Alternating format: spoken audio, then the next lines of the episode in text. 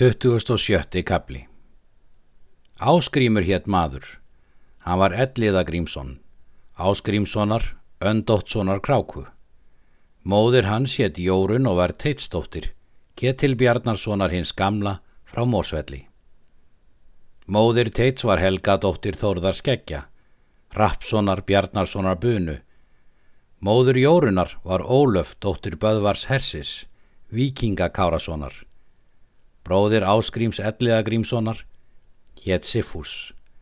Hans dóttir var Þorgerður móðir Sifús, föður Sæmundar hins fróða. Gaukur Trandilsson var fóstbróður Áskríms, er fræknastur maður hefur verið og best að sér ger. Þar varð illa með þeim Áskrími því að Áskrímur var banamaður Gauks.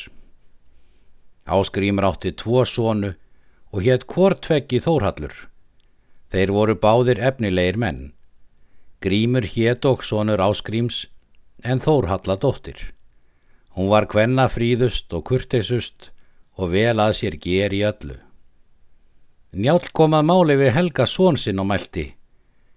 Hugað hef ég þér kvann fangfrændi, ef þú vilt að mínu ráði gera. Það vil ég víst, segir hann, því að ég veit að bæði er þú vilt vel, en það kant þú vel, eða hvar hefur þú ástofnað? Njál svaraði. Við skulum byggja dóttur Áskríms Ellega Grímssonar, því að sá er kostur bestur.